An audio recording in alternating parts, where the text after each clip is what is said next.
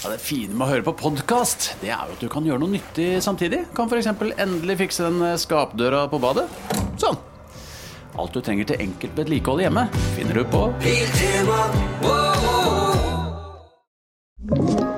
En podkast fra Podplay. Et eh, ektefølt og hjertelig velkommen til eh, Alex Rosén reiser til Mars. Og jeg vil jo si det, Alex, at eh, det slo meg i dette øyeblikk at med den sveisen her Du får my mer og mer sånn eh, skal vi si Einstein-looken. Jeg vil si fartssveis. Altså, det ser ut som jeg er i full fart. Ja, ja, eller i motvind, Ja, og en ting er sikkert, at når vi drar til Mars, så kommer det til å gå fort. Ja, for hvis ikke så tar det jo litt lang tid, vel. Ja, Ja. Så det kommer til å bli høy akselerasjon. Ja. Og derfor så er det greit å ha det håret her på plass. Ja, Eller ikke venne seg til å være altfor lekker på neppa. det blir mye hjelmsveis vel på en sånn tur. Ja, Eller være som deg og Ja. slippe alt det håret. Ja, hjelmsveis døgnet rundt, det. Ja. det eneste du mangler, er de kraterne. Ja, du vet at kroppen har en annen kroppsdel som heter hjelmen. Vet du hvor den er? Nei. Nei. Da kan du slå opp det etterpå. Men uh, denne podkasten heter altså Alex Osen reiser til Mars i presens. Det vil si at han er mer eller mindre på vei. Og det vi lurer på Altså, det det er ikke tull, for du skal jo dit. Ja, Ja. Så hvordan eh, går det nå? Om dagen? det går forover. Ja. Vi, Men helst skal det vel gå oppover, skal det ikke det? jo, det skal det, men Ja. eh, det er utvikling. Det skjer masse på rakettfronten. Ja. Og faktisk nå så har man økt rakettfrekvensen.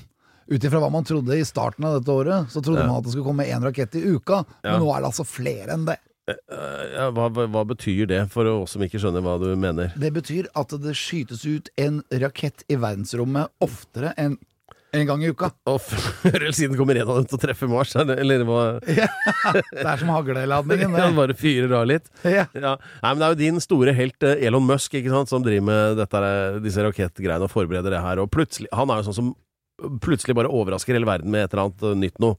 Ja. Så plutselig så står jo han klar. Se her, her er raketten, tre mann om bord, og vi har funnet en måte å skyte dem opp til Mars på tre uker, eller et eller annet. Plutselig så skjer det, ikke sant? Ja. Men eh, en ting jeg skulle forberede denne episoden av eh, eh, Alex Rosén reiser til Mars, og jeg vet jo at det blir prat om Elon Musk, for det er det hver uke. Så jeg tenkte at eh, da skal jeg google fun facts about eh, Elon Musk, da, bare for å se om det kommer opp noe gøy.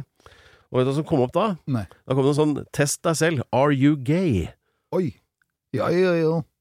Alt er lov, sier jeg bare. Ja, jeg har ikke fått resultatet ennå. Alex Rosén reiser til Mars.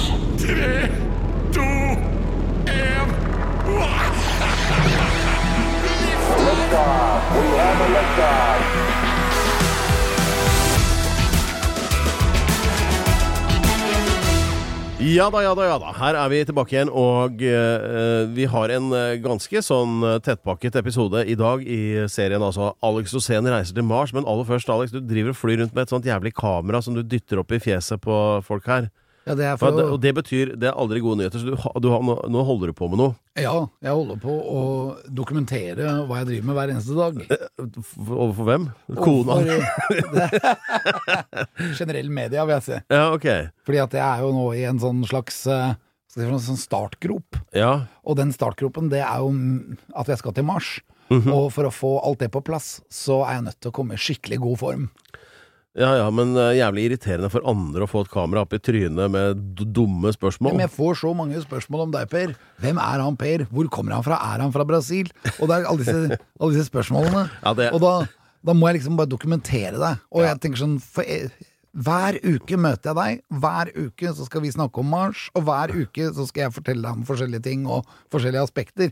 Og derfor så er du en del av mitt liv, Per. Ja, jo, og jeg er jo. veldig glad i deg. Men det- Og den der nærheten du og jeg har sammen, den har jeg lyst til å dokumentere. Og det, jeg syns ofte selv om jeg vet at du veldig ofte jobber bak kamera eller bak mikrofonen og vil helst være i skyggen, så vil jo jeg løfte deg frem. For jeg mener at det, det norske folk har behov for å få deg litt nærmere i livet. Ja, eh, så det var jo Det her aner jeg ikke hva jeg skal kommentere med, men, men jeg kan i hvert fall si én ting. At det med Brasil, det er jo faktisk sånn at det er ganske mange, Alex, som tror på den historien du har fortalt på et eller annet tidspunkt. At, at du har funnet meg i Brasil en gang for 25 år siden! Og han heter Pedro, men nå har han blitt veldig god til å snakke norsk! Ja, men det, ja, men det er mange som tror på den der, da. Ja, men det, er, det som er helt utrolig, er jo at når jeg dro deg til Brasil, Ja. så hadde du langt hår og så ut som en hippie.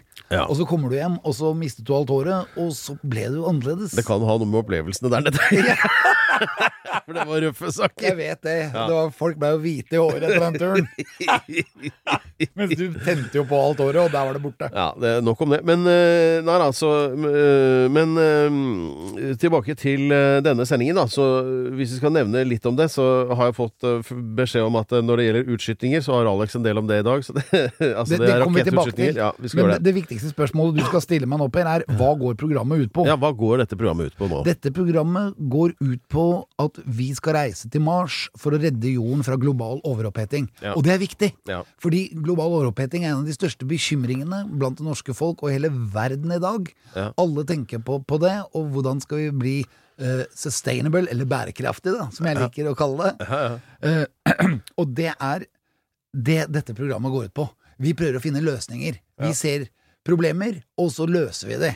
Og det er så bra, for det er det ikke så mange som gjør. Alle tenker på sånn at vi må ha tiltak, og vi må ha dit og datt. Ja. Men vi tenker faktisk på å løse problemet, og det er det det programmet her går, på, går ut på. Ja. At vi skal reise til Mars, og skal vi reise til Mars, der er det ingenting. Så vi er nødt til å bygge infrastruktur. Og her kan vi diskutere litt grann, hva er det vi trenger for å gjøre Mars til en levende Et sånt planet. drømmesamfunn. Ja, det er fremtiden. Ja, det skal vi diskutere. Og så skal vi også da Ja, det er jo litt sånn i samme linja. Det er jo finne mønstersteder da, på, som allerede fins på jorda. Som kan gjenoppbygges på Mars i Ja, form av tettsteder der oppe. Ja, for, og det, da tenker vi hva som skal skje i dagens sending. Men det aller mest spennende, syns jeg, som vi skal komme tilbake til om litt, det er at hele tiden så er det indikasjoner på Altså, jeg er veldig opptatt av aliens, ikke sant. Og vi har jo for eksempel et nytt sånn romteleskop som heter James Webb, som jeg tror snart kommer til å få et blinkskudd av en ufo, eller i hvert fall noen eh, livsformer et eller annet sted, for nå kan det ta bilder av dem galakser og ting som skjedde ved The Big Bang omtrent. Altså, det er jo helt utrolig teknologi. Så snart får vi, snart får vi se aliens, dere. Det er det som er poenget mitt. Og, og, og, men uh, for egen maskin så driver jo da uh, amerikanskprodusert materiale og finner ting på f.eks. vann og sånn oppe på Mars nå. Og der kommer det til å være noe, og det er ganske spennende. Det, det vet du litt om, Alex. Ja, det vet jeg litt Da om, vi men ta det som om det. jeg gleder meg til, er jo nå er det så mange bilder som går så dypt inn i verdensrommet at de kommer flere milliarder lysår tilbake i tid. Og de kan se så langt ut. Altså Ett lysår er enormt lang, lang avstand. Det er altså hvor langt lyset klarer å, å gå på ett år. Og lyset går fort. Ja, for dette er én ting jeg har tenkt på, Alex, og det er det at eh, vi har jo mange ganger sagt det til hverandre at eh, fy fader, det var jo greit at vi ikke hadde YouTube og sånn, og kameratelefoner på 90-tallet. Da hadde vi kanskje ligget litt tynt an i forhold til eh, ting som for så vidt da ikke ble avfotografert eller filmet, hvis du skjønner hva jeg mener. Men med denne teknologien her er det sånn at du kan sende et, sette et sånt speil sånn halvveis. Sånn at du da liksom, med det James Webb-teleskopet, da, filmer innover i verdensrommet, og så, tar og så speiler tilbake til jorda, og at vi da kan filme ting som skjedde her på 90-tallet, plutselig. Det kan nok skje. Ja, da, da blir jeg med til Mars, i så fall. Men bare, vi må finne et speil, da. Ja. Der ute. Men det jeg syns er helt utrolig, Pedro, det er jo det at vi kan altså, filme så mange millioner lysår tilbake, og når vi zoomer inn og kommer så langt tilbake, så plutselig så ser vi en kar som bare stikker ut huet sitt imellom det vi filmer, Det er Jesus. og, og webteleskopet. Nei, det er aliens! Ja, det er det jeg kommer en mener. kar Det, inn det, de, de, Hello! ja, der kommer det en sånn liten ET. Ja, og det, da kommer jeg til å få gåsehud. Hva skjer på Mars i dag? Ja, nå ler vi litt her, for at, uh, det var den jingeren, liksom. Hva skjer på Mars i dag? Ja. Der skjer det vel eh, enda mindre enn i Mjøndalen. Nei, det har skjedd veldig lite der, men det skjer jo egentlig ting hele tiden. For det Ja. første så er det masse satellitter som vaser rundt der ute, eller i hvert fall fire stykker. Ja. Samtidig så har vi noen sånne rovere som går rundt der. Og det som har vært helt utrolig nå, er at den roveren har, har nå jobbet med et par kr- kratre. I august så jobbet den med noen kratre. Ja. Altså uh, meteor, meteorkratre, da. På Mars, ja. på Mars. Og flere av disse kraterne har jo da uh, tilsynelatende vist at det har vært bevegelige vannmasser der. At det er spor etter vann. Så da har jo denne ene roveren da kommet seg frem, og så har den boret da etter vann. De fant mindre vann enn de uh, trodde de skulle finne, men de fant jo selvfølgelig is, da. Og så fant de ut det at uh, de hadde regnet med at det skulle være mer vann der. At det skulle ha, ha vært vann over lengre tid. Så det virker som om Mars veldig fort mistet vannet sitt. Fortere enn man hadde trodd. Samtidig så fant man ut at det var en del overfladisk fra overfladiske vulkaner. Og at man boret litt lenger ned, så fant man ut at det også var vulkanstein under jorda, som da viste seg å være fra eldre vulkaner. Uh, ok, og hva betyr alt dette her? Nei, det får vi se på. Det får vi se litt Det lages jo nå forskjellige typer rør med disse prøvene på, og de skal bli skutt eh, ut og tilbake til jorden oh, ja, ja, innen ti års tid. Ja, det er samme som når de tar, tar, borer sånne rør ned og tar prøver av grønlandsisen og sånn, for å Ja. se Jeg skjønner. Samme type prøver har de lagd, og så har de lagd, lagd disse inn i sånne små patroner her. som så skal bli skutt tilbake, og da kan vi gå litt mer i dybden av hva vi egentlig har funnet. Det betyr at den, i den isen så kan det eksempel være noen sånne mikrober eller noen sånne parasitter eller et eller annet jævelskap, ikke sant? Som, eh, som de da sender ned til jorda. Og så er det en eller annen sånn eh, litt sånn slepphendt type med heklavest på et laboratorium et eller annet sted, som åpner den, så hei sann, mista han på gulvet. Og så var den partikkelen løs, gitt. Og så blir han plutselig mutert til eh, Ja, og det som er veldig spennende, er Og at de da har, har vi funnet, scenarioet i gang. de har funnet noen steinarter også som ser ut som de har vært på havets bunn. Altså at det ser ut som gammel havbunn. Og det betyr at det er sedimentære bergarter. Ja. Og det burde det egentlig være lite av på Mars. Ja, Men Sedimentære er bergarter, som vi vet, så har vi jo tre typer. Det er eruptive, metamorfe og sedimentære. Og sedimentære bergarter er sånne som ligger i lag og presset sammen, som for eksempel skifer. Skifer. Det ser, ser ut som skifer. Ja. Så hvordan i all verden har de fått skifer på Mars? Ja, det må jo være fordi at det, det var jo veldig populært på 70-tallet med sånn skiferbord ute i hagen, da. Ja, så Det kan jo hende at det nettopp er der. De har, det hadde jo vært noe annet at Mars-skifer i hagen. Ja, det er, det er ganske fett, i grunn. Ja. ja, men altså sånn kjøkkenbenk i Mars-skifer.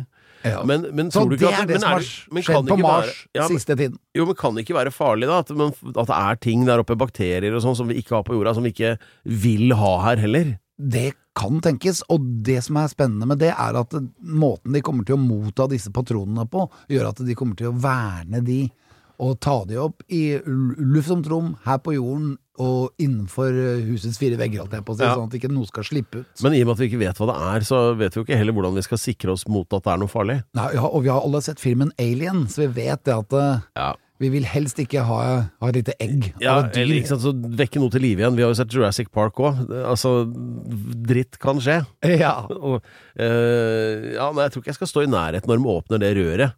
Plutselig kommer det så er bitte sånn liten hånd opp. for du har jo skrevet kontrakt med meg om at du er her også da. Eh, Ja, det trenger jeg ikke noe kontrakt på, for alt annet er helt uaktuelt. Hva, uh, Alex, kan du tenke deg noe som nå befinner seg 23,5 milliarder kilometer fra jorden? Ja, det kan jeg. Det er uh, Voyager. Og hva er det? Voyager er en eh, 721,9 kilo tung ubemannet amerikansk romsonde i Voyager-programmet som ble skutt opp 5. september 1977. Altså, Altså, rett etter at, at Elvis, Elvis ja, det, var, det var det jeg tenkte på! Og der sa Ja. vi det på likt, så nå kan vi ønske oss noe, Pedro. Ja, ja, sånn at eh, eh, Riktig, så det var altså denne uken da at uh, denne Voyager 1, for det er flere av dem, den første av de altså, uh, er 45 år. Så den har vært i verdensrommet i 45 år. Ja. Og den forlot solsystemet vårt i 2012, så nå er den i deep space. Ja, hva, hva vil det si egentlig? Deep space? Deep space, det er der hvor det ikke er noe solsystem. Altså det er mellomrommet mellom ja, Det er jo det som er gigantisk. Ja. Det er jo det er der hvor det ikke er noen stjerner, ikke noe ikke noe, noen systemer som er rundt stjerner, for vi ser jo eksoplaneter, som er altså planeter som er i andre solsystemer. Sånn at det finnes sånne systemer rundt de stjernene vi ser på himmelen, men de ligger stort sett mellom 70, 80 og 130 lysår unna. Ja. Og Voyager 1 er jo på vei, eller i hvert fall Voyager 1 eller 2, er på vei mot en, eh, en sånn stjerne. Men den vil ikke være fremme ved den stjernen før om ca. 20 000 år eller noe. ok. Ja, hva, men hva er det om bord i den Voyager 1, da? Der er det et, det er et bilde, Ja. annet. Ja. Det er jo noen radiosignaler. Man regnet med at man kunne ha kontakt med Voyager 1 frem til 2020. Ja. Jeg tror de har mistet kontakten litt sånn her og der. Men, Altså, nå er den bare helt ute på egen hånd. ja, altså, nå er den litt på egen hånd, men jeg tror kanskje de har noen sånne svake signaler fra den. Det tar jo lang tid før de kommer tilbake hit, for det skal reise over enorme avstander. Ja. Men jeg tror de har, har en slags sånn kontakt med den. Og, men det er veldig lite. Det er vel et bitte lite atomkraftverk eller et eller annet som holder, holdes i gang ute i den. Men det er vel Er det ikke der det er sånn eh, opptak av eh, Beethovens En av Beethovens symfonier, og så er det et bilde av Jeg vet ikke jeg eh, Ronald Reagan, eller, eller altså, Jeg vet ikke helt. Den er, det, det er jo ting om bord der som skal liksom vise eventuelle aliens hva jorden er. Ja, det er bilde av to mennesker, tror jeg. Av en mann og en kvinne. Ja, Og Hvem så er det? er det bilde Hvem valgte de da? Adam og Eva, sikkert. Jo, men det finnes jo ikke bilder av de. Nei, men de har regna med omtrent sånn som de så ut. så jeg tror det er et sånn generelt bilde. Litt sånn à la toaletter, hvor du ser bilde av mann eller kvinne. Så det er en sånn type, okay. sånn type tegning. Men det som er helt utrolig, som jeg har funnet ut nå, da, det er det at Voyager 1 er ikke på vei mot noe spesifikt stjernesystem, men vil etter 40 000 år nærme seg stjernen Camelopardis. Gode, gamle Camelopardis. Ja, ca. 40 000 år, da. Det er noen år til, da. Men, men ok, jeg, jeg forstår det, så, men hvilken nytte har det da? Altså, det er at man bare sender noe sånn skrammel utover dit? Ja, Den nytten den hadde, det den egentlig ble sendt ut for, det var å ta bilde av Jupiter og Saturn. Ja. Altså disse to store, og det gjorde den jo. Ja. Så de første bra bildene vi fikk av den, det, det fikk vi for eh, Det må ha vært eh, Så nå er det mer, så Voyager 1 er nå mer som en slags flaskepost inn i, i verdensrommet, da. Sånn at hvis noen, altså noen aliens, da finner den, så vil de resonnere seg frem til at aha, så her er det en eller annen livsform et eller annet sted. Skal vi se, ja, det er der, ja. Og Eh, så Den kan de- Og så har de fått et kallesystem. Altså det, det ligger noen sånne à la SOS. Altså ja, Du vet den der, nei, det kallesystemet, morsealfabetet, tror jeg er montert opp der. Sånn at, eh, og så står det hvordan de kan kommunisere med oss ved hjelp av morsealfabetet. ja, Hvordan forklarer du morsealfabetet til noen som ikke har språk, eller Med en langstrek og en prikk. Ja, det vet langstrek, jeg jo, men- prikk. Ja. Eh, Kort signal, og, og SOS for eksempel er jo Pip, pip, pip, Bi, ja, tre lange, tre korte, tre lange, tre korte, tre lange, tre korte. Ja. Etter hverandre. Og det betyr SOS. Ja. Men bare for å fortelle litt om når den besøkte Jupiter. Det gjorde den i janu januar 1979. Ja. Så den brukte ikke så lange tiden dit. Og så besøkte den uh, Saturn uh, i november 1980. Ok. Etter det så har det bare egentlig vært en utvida tur. Ja, og så har den sikkert også besøkt et par av de andre planetene, men han bomma vel på noen av de, så Mm. det var litt sånn Litt sånn unødvendig. Men den er i hvert fall på vei utover, da, så Ja. nå, nå holder den på. Ja, ja. Nei, men Gratulerer med dagen, uh, Voyager 1, 45 år uh, denne uka. Og um, lykke på reisen, for den skal uh, ja, holde på i 20 000 år til, ja. Ja, så kan man se utover mot den. Hvis du vil se hvor den omtrent er i, ute i verdensrommet, så ligger den i en plassering på stjernehimmelen i konstellasjonen Ophiuchus. Nyttig å vite. Det skal jeg notere meg. Uh, vi, apropos morsealfabet, hva sier jeg nå? Følg med. Er du klar? Ja. Pip, pip, pip. Pip, pip, pip. Pip, pip, pip. Pip, pip, pip. Eh, SOS. Nei, SOS. Ja, dere, det har vært en helg med usedvanlig mange utskytninger. eh, Og nei, vi har ikke vært på nachspiel i Drammen. Men Alex, kan du redegjøre Hva da? om disse utskytningene? Ja, det har vært uh, flere utskytninger. Det som er egentlig helt utrolig, det er det at um, Det har vært noen utskytninger, uh, og det er jo da uh, Falcon 9. Ja, Som er Hva er det for noe? SpaceX. Ja. SpaceX det er et, eh, et um, à la NASA, altså et, et firma i USA som skyter ut raketter for å egentlig sette ut nå eh, masse Starlink-satellitter som skal gi oss et verdensomspennende internettdekning. Ja, Dette er Elon. Musk sitt eh, prosjekt, ikke sant? ja, eller SpaceX, da, som er firmaet. firma. Jo, jo, men det er jo han, liksom. Uh, Ja, jo, det er han. Han er jo direktør i det firmaet. Men det er ikke bare det. Det er også han som skal bygge disse byene på Mars, og sende meg til Mars. Ja, ja. Sånn at det er derfor følger jeg veldig nøye med, for å lære meg mest mulig hele tiden. Og eh, i starten av året så hadde de planer om å skyte ut én rakett i uka. Ja, Men så har de økt tempo. ja vel? Så i, her forrige helg, eh, den helgen som var, Ja. da hadde de den 40. utskytningen. Ok. Og det er jo bare Det er bare wow! 40 utskytninger! Vi er jo ikke i uke 40 ennå. Det betyr at det har vært flere utskytninger enn det som de hadde tenkt seg. Ja. Og de satte ut 51 eller et par og 50 uh, satellitter til Starlink-systemet. Ja. Og det gikk bra.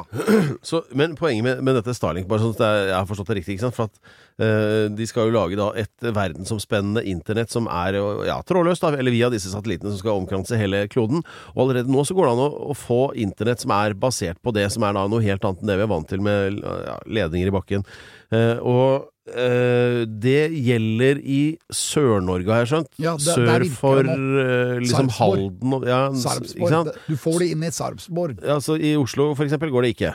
Nei, ikke helt ennå, Nei. men snart gjør det det. Ja, og da, Men hvordan vil det fungere? Eller hvordan Flere ganger nå så skal de skyte ut disse satellittene over Norge, faktisk. Så eh, det, var, det er jo ikke mange uker siden vi så dette her fra Hvaler. Vi hadde jo Ja, stemmer det. Eh, Øystein her inne som forklarte om dette her, som hadde stått helt sånn stum og trodde han så ufoer. var til og med ganske brisen på Hvaler, men allikevel Ja. så fikk han øye på det. Og det er helt utrolig. Ja. Eh, Sånn at nå kan man altså da bruke SpaceX i Sør-Norge. Ja. Da må du skaffe deg en antenne. Den får du på internett. Bare gå inn på Starlink. Det er en egen app på telefonen din. Ja. Uh, og så kan du bli da kunde til det. Men er det sånn er det fantastisk kjapt, eller et eller annet, eller hva er det det med er det? fem ganger raskere enn bredbånd skal det være. Ok. Sånn at det skal være veldig høy hastighet på det. Uh, samtidig så er det jo meningen er jo at flere skal få internett over hele verden. Ja. Og i flere steder, f.eks. den fattige delen av verden, så skal de få det gratis. Aha. så Men at, vi, eh, vi får det ikke gratis i Norge. Nei, for her har vi penger. Så vi, her tjener vi penger. Så får ikke for mye av det kjenner jeg, men eh, ja. Men han ga det jo f.eks. til Ukraina i krigen der nede. Så ukrainske stridsvogner og sånn, og forskjellige ting, de har nå Starlink, og det funker. Men er ikke det liksom skummelt at all, etter hvert da, liksom sånn all internettrafikken skal liksom via liksom én fyr som kan da nærmest kontrollere hele dritten. Hvis han blir sur en dag, så er det sånn Nei, nå skrur jeg av internett. Altså, Ja, eller- han, altså, du får en vanvittig maktposisjon, da. Ja, eller hvis han er broren til Lex Luthor, da, som Ja. er fienden til Supermann. Ja, eller han Så blir er- kidnappet av en eller annen despot, eller eh, Det er aldri gode nyheter når noe veldig viktig sånn informasjonsmessig blir kontrollert av veldig få. Fordi den makta der, ikke sant, du skjønner hva jeg mener nå? Ja. Ja. Men eh, fortsatt så vil nok eh, det være mulig å bruke Telenor og Telia sine ne- nett. Ja. For det er jo bare nettet, det er jo ikke informasjonen på nettet vi skal få, vi skal bare kunne bruke nettet kjappere. Ja, men altså, det er jo sånn altså Telenor og tele, altså, de, de er jo in the business of making money, ikke sant? Så i det øyeblikket de blir utkonkurrert, da, sånn på teknisk grunnlag av eksempel da dette eh, hva, hva heter det igjen, Starlink-opplegget, da begynner de jo bare med noe annet, ikke sant? Så da, da, altså konkurrentene forsvinner jo. Altså konkurrentene til Google, øh, altså Alta Vista, de, alt det der er jo borte. Yahoo! Betamax-video. Altså, det, konkurrentene forsvinner, ikke sant, når én tar over. Og det er det jeg mener at hvis Starlink skal levere all internett og ha all internettrafikk i verden, da er du i prinsippet enehersker over jorden. Ja, men på den annen side så er det jo viktig med informasjon. Altså kunnskap er makt. Ja, det er det jeg sier, Alex, men det er bare det at det bør ikke samles på to hender. Nei, Altså, men eh, flere får jo internett. Det er mange steder. ja, er du reiser rundt i Afrika, så er det mange, masse steder, eller i indre Asia og sånn, så er det flere steder hvor de ikke har internett. ja da, den, de det. De vil få muligheten til å komme seg på nettet. Og da man, og får man mer informasjon, så er kanskje vi går mot en fredeligere verden. Ja, ja, men poenget mitt er at her er det tre f-er. Det er flott, filantropisk og farlig. Fordi det er én som kontrollerer alt. Det, det, det er det poenget du liksom ikke helt får med deg. Nei, fordi at informasjonen vil være den samme. Det vil være Alle, oh, ja. kan, alle kan gi Akkurat som Akkurat som telegrambyråene i Russland, for eksempel. For er jo, alt er tilgjengelig for alle, men Nei, der er det Og det er nesten ikke redigert i det hele tatt. Men der er det ikke Not- tilgjengelig.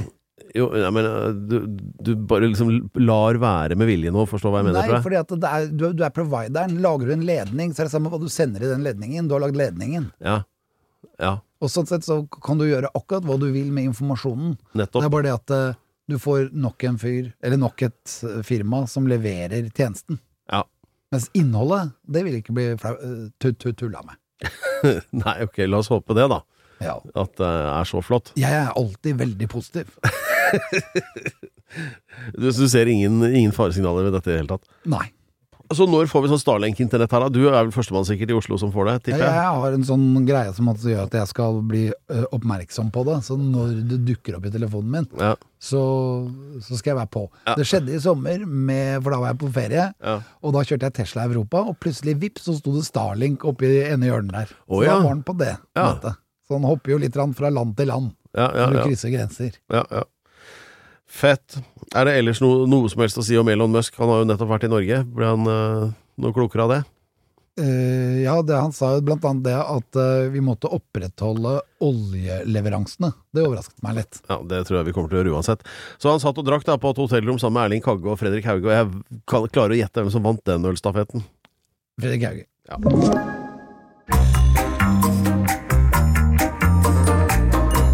Ukens tettsted.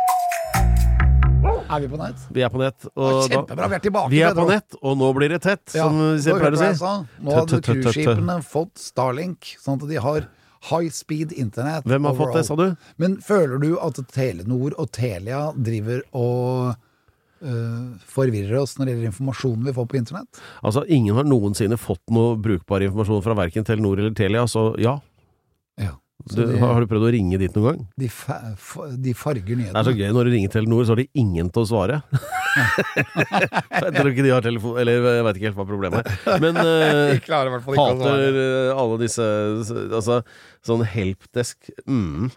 Nei da, så nok om, nok om alt, da. Eh, vi skal da Da er det egentlig bare én ting å si, Alex, og det er eh, Er du med her nå, eller er du, spiller du sjakk på telefonen din? Nei, jeg følger bare med på hva som skjer med SpaceX her. Nå står det her at Starlink is now available in Norway. Additionally to better reflect parity purchasing power across our customers. Kan du bare drite litt i det nå, og så ta de mer sånn hjemlige ting? Fordi eh, det handler altså om ukas tettsted nå, Alex. Ja, og det er veldig viktig. Fordi at det handler om et tettsted som vi mener burde plasseres på Mars. Og der Ja. har jo Norge enormt mange tettsteder. Ja, hvor mange Ja. har vi egentlig? Vi har flere tusen. Ja, det tror jeg hundretusener, Ja, kanskje. og for jeg blir så overrasket, for hver gang jeg skal gå gjennom et nytt tettsted, så tenker jeg sånn Ja, der har jeg vært, der har jeg vært, og der har jeg vært, men der var jeg veldig kort. For da var det bare Det var så lite tett. Forresten, jeg, jeg lurer på om kunne vi sammenlignet det med antall Hvor mange ulike postnumre finnes det? Og det Det blir jo sånn, 1000. ikke sant, så Er det et nytt postnummer, så er det et nytt tettsted jo stort sett, da, er det ikke det? Eller? Jeg er vel på 1258 eller noe, og det er jo 1258. Eh, Ja, men ikke sant, altså, når vi da kommer opp i nord, så er det jo 9100 og flere og 40. Over 10 000! Ja, det må, ja, det, Det er i hvert fall helt oppi der. ja, men hender det at det er flere tettsteder på ett postnummer? Ja, Og så hender det også at det er flere postnummer per tettsted òg. Ja. ok, så vi kom ikke noe videre med det, men Men nå skal vi bare starte med jingle, for det er Ja. ukens tettsted, og det går sånn.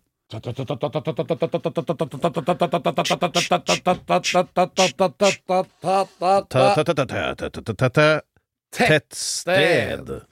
Og da øh, Ja, det er øh, Nå blir det vel antagelig emosjonelt, fordi øh, denne edle prosessen da, med å finne frem til norske tettsteder som er så flotte at de fortjener å bli gjenoppbygget som et mønstersted på Mars. Det er jo oppgaven her. Ja, og det er noen tettsteder som jeg har lagt merke til har fantastisk utsikt. Ja, som for eksempel. Hustad. Ja, Og det er jo deg, Pedro. det, er- det er, Jeg kaller deg Pedro. Gianfranto Locadella Hustados. Ja, det er jo det jeg heter. Ja. Så ja, det er god utsikt ja, på, ut mot havet der, da. På, ja, og hvor- fantastisk liten vik utafor. Og ja visst. Hustadvika. Men og, og, og, s- kanskje spesielt når det er sånne cruiseskip i havsnød utafor der, for det er sånn som det var her for et par år siden. ja, det er det veldig værhardt. Ja, det er jo det. Det er mye motvind, altså. Ja. Og, men i, og Hustad ligger veldig fint til. Ja. I Hustadvika. Absolutt. Og et av de mest værharde stedene i Norge, og ikke så langt unna Molde. Nei. Men hvis du reiser litt videre der, så kommer du til en utrolig spennende vei som kalles Atlanterhavsveien. Ja, altså nordover derfra og oppover. Ja. Retning Trøndelag. Ja. Ja. Og der kan du hoppe av bilen, og så kan du gå ut på en liten øy og stå og fiske, for eksempel. Ja. Eller du kan stupe fra en utrolig fet bro. Og når det blåser skikkelig der, så er det spennende å kjøre over. For broa gynger litt. Ja. Ja. Men det er fine spisesteder der også, på begge sider av denne Atlanterhavsveien. Men på den nordlige siden så dukker det opp et tettsted okay. som er så fint. Og du kan sitte ute på stranda og spise. Mhm. Og det er, jeg blir litt sånn øm inni meg når jeg tenker på det tettstedet. Og jeg tenker sånn at det, For i planen med å bygge ut Mars, Ja. så er det jo snakk om at uh, man skal gjøre noe med månene som gjør at Mars blir en levende planet, sånn som jorden, og at det får vulkanutbrudd igjen. Ja. Og da vil det piple ut vann fra innersiden av Mars ut, og så vil du få to-tre hav på Mars. Ja. I hvert fall to. Men pga. fjellformasjonene så vil det ikke være kontakt mellom de to havene, så kjemisk sett så vil det være to forskjellige hav.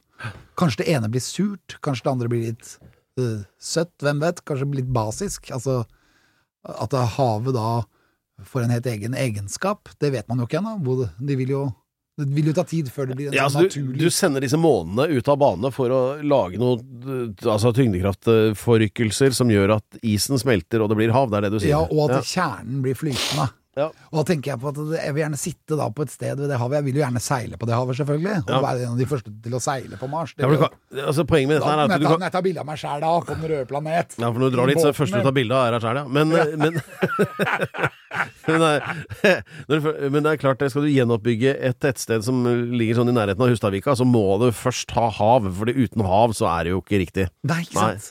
Og så hvis du da kan sitte i det tettstedet, så vil jeg plassere det tettstedet ved havet. Sånn Mm. at du kan titte ut og se på dette utrolige havet med solen litt lenger unna. Ja. Og da er det ett tettsted jeg vil ha med. Ja. Og det er ukas tettsted. Okay. Det er Kårvåg! Kårvåg, ja! Gratulerer! Kårvåg! Det er sånn Noen ganger så lurer jeg på om du bare dikter opp noen navn, men, eh, men det, så det er noe som heter Jeg vet ikke om det, nemlig. Ja, du må jo sjekke Ja, fortell om Kårvåg, da. Ja, skal jeg faen meg men, men, Skal jeg google her mens du Fortell om Kårvåg, Ja, skal vi se om noe av det stemmer. Kårvåg. Kårvåg er én gate, og så er det en gate rett ved siden av som egentlig holder dette tettstedet litt sammen. Og så er det ikke så veldig tett, men de har butikker. Ja, Hva selger de der? Der selger de jo sånne ting som man har i butikker, da. Melk og brød. Her, ja. Det er i det er Der er koselig. Kårvåg. Og så har de en fantastisk restaurant, og jeg har sittet og kost meg der, og jeg kommer aldri til å glemme det. Følelsen av å oppleve havet derfra. Så Kårvåg skal få til å få en fin plassering på Mars. Og det er bare vi sender roser og alle varme tanker til dette utrolige tettstedet, som jeg råder alle å stikke en tur innom hvis de har muligheten.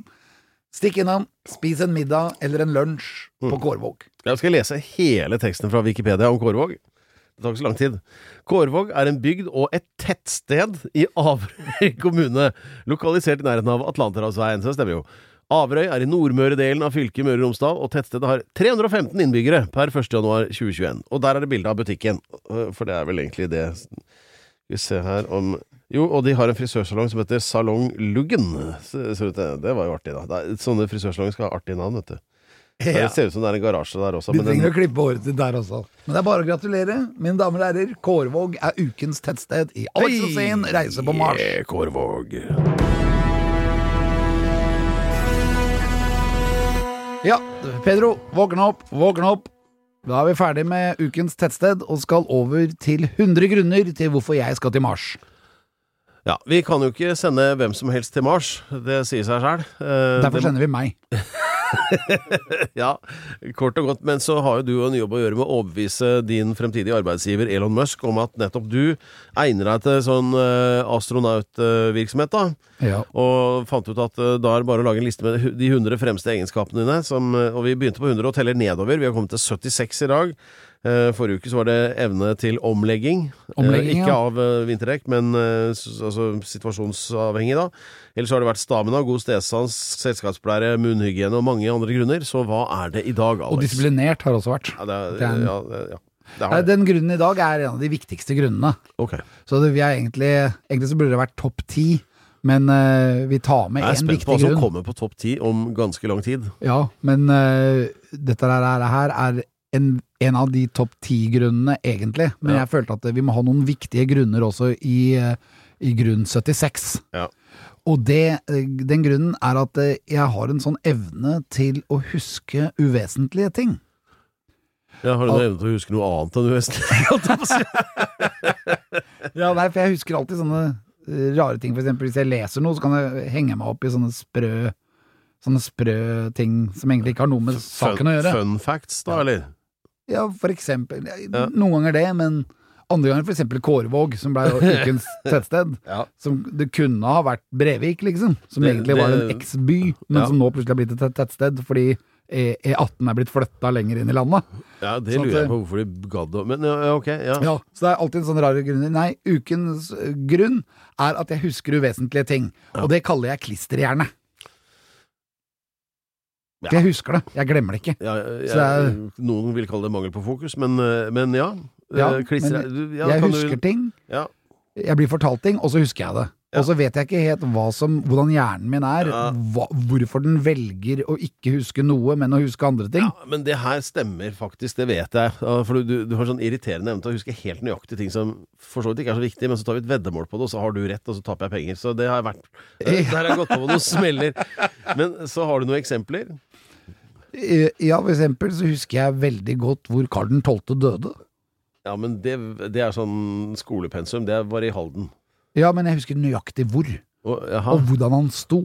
jaha. Han sto nemlig ut av en skyttergrav, mens to svensker sto og holdt den i beina. Det er jo aldri noen jeg- god idé å reise seg opp når du er nede i en skyttergrav. Ja, det er ikke noe god idé, Nei, men. Ja. han skulle jo opp og se, vet du, hvor fienden var. og så husker jeg veldig godt hva de svenskene hørte når han ble skutt. Sommertider, hei, hei. Nei, men det er jo ja, men det er så lenge siden. Ja. Husk at dette her skjedde i 1718. Ja, ja. Og, og hvordan i all verden skal man klare å beskrive hva de hørte den gangen? ja, hvem er Ja, ok, få høre, da. Det de hørte, var som om to fingre ble slått i en åpen hånd, og det kan vi gjøre i dag. Det de hørte, var dette her. Ja. Og det var en knapp som eh, gikk gjennom uh, Nei, nepa på var, Det- Ble den ikke skutt svenske, en knapp? Nei, altså, her er det to fiender. Det er akkurat som propagandakrigen i Russland og Ukraina i dag. Ja. Dette var en propagandakrig mellom nordmenn og svensker, og svenskene mener at det var en knapp som var visstnok var viet av en munk, som ble skutt av en svenske, men det er jo helt feil. Hølet var jo på størrelse med en golfball. Ja. Og det var nettopp den kanonkulen også, for det ble skutt eh, fra den ytterste fremskutte festningen på Fre Fredriksten festning. Ja. Så ble det skutt med hagleladninger fra kanoner, og denne hagleskuren da, som kom over Karl 12., da kom det i golfballeform. Og sikkert 20-30 stykker, men en av dem gikk gjennom huet hans. Ja. Denne lyden. Og så hadde han høl gjennom begge hele huet. Inn her og ut der, og det var så stort. Ja. Og hvem, hvem er det som går med så svære knapper? Ja, det uh, fins vel, men de Ja, de ikke, er jo ikke på den tiden. Da hadde de små knapper i messing og sølv, Ja. og det var det. Og den kunne ikke lage et så stort høl. Nei. Så dermed, det er et sånn eksempel på Jeg har også et eksempel sånn, mer sånn veddemålaktig. Det var en gang vi ja, Kanskje vet ikke 20 år siden eller noe, så var vi på tur et eller annet sted og, uh, for sånn TV-opptak. da og så hadde mm, Og vi var veldig opptatt av Vi brukte ikke så mye penger, vi var veldig billig i drift egentlig på disse turene, men vi ville ha en ordentlig bil å kjøre med. Og så hadde en eller annen bestilt leiebil til oss, de hadde bestilt en Hundai.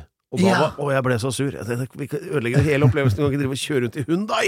Og så, satt vi, så fant vi ut at det vi må instruere hjemmekontoret i Oslo på, det er at det, det, det er ikke lov å bestille leiebiler av noe annen type enn Det kan bare være biler det er skrevet rockelåter om. Ja, Så, for da, da er du liksom innenfor et segment av biler vi kan akseptere, som Ja. eksempel David Lindleys Mercury Blues, for eksempel, eller så, sånne ting, da. Ja. Uh, og så sier jeg for Hundai går jo ikke. Og så, Chevy, og, så ja. si, og så sier du plutselig at jo da, det fins en låt om Hyundai. Så jeg nei, det gjør det ikke, ass. Ingen har laget en låt om Hyundai.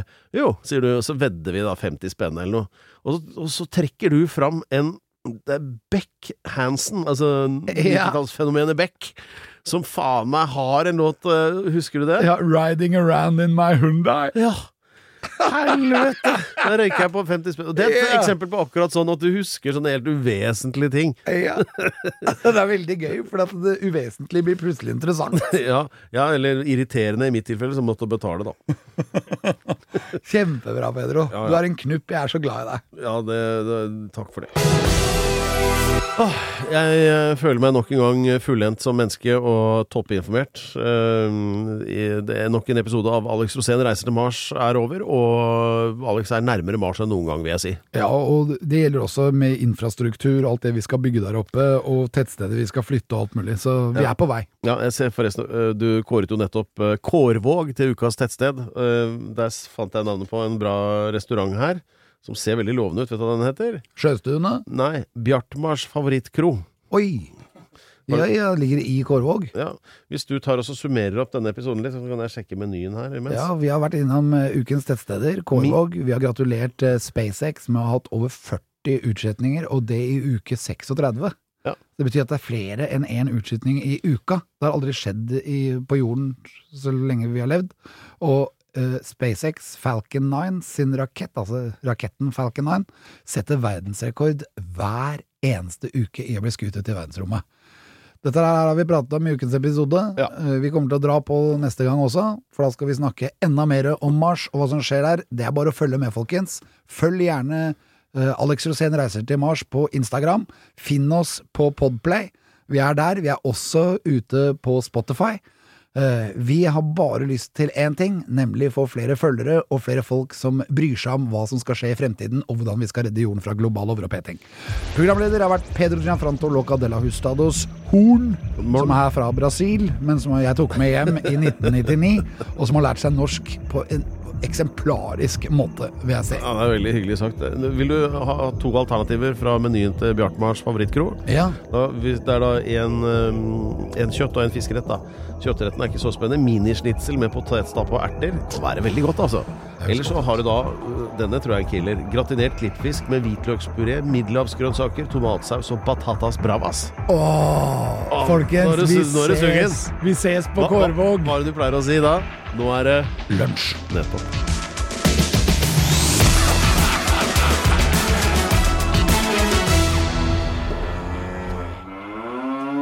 Du har hørt en podkast fra Podplay. En enklere måte å høre podkast på. Last ned appen Podplay, eller se podplay.no. Nå er det påskesalg hos Ark. Du får 30% på påskekrim og 40% på alle spill og puslespill. Jeg gjentar Ark har 30% på et stort utvalg krim og 40% på spill. Det er mye påske for pengene. Så hamstre påskekosen i nærmeste Ark-butikk eller på ark.no.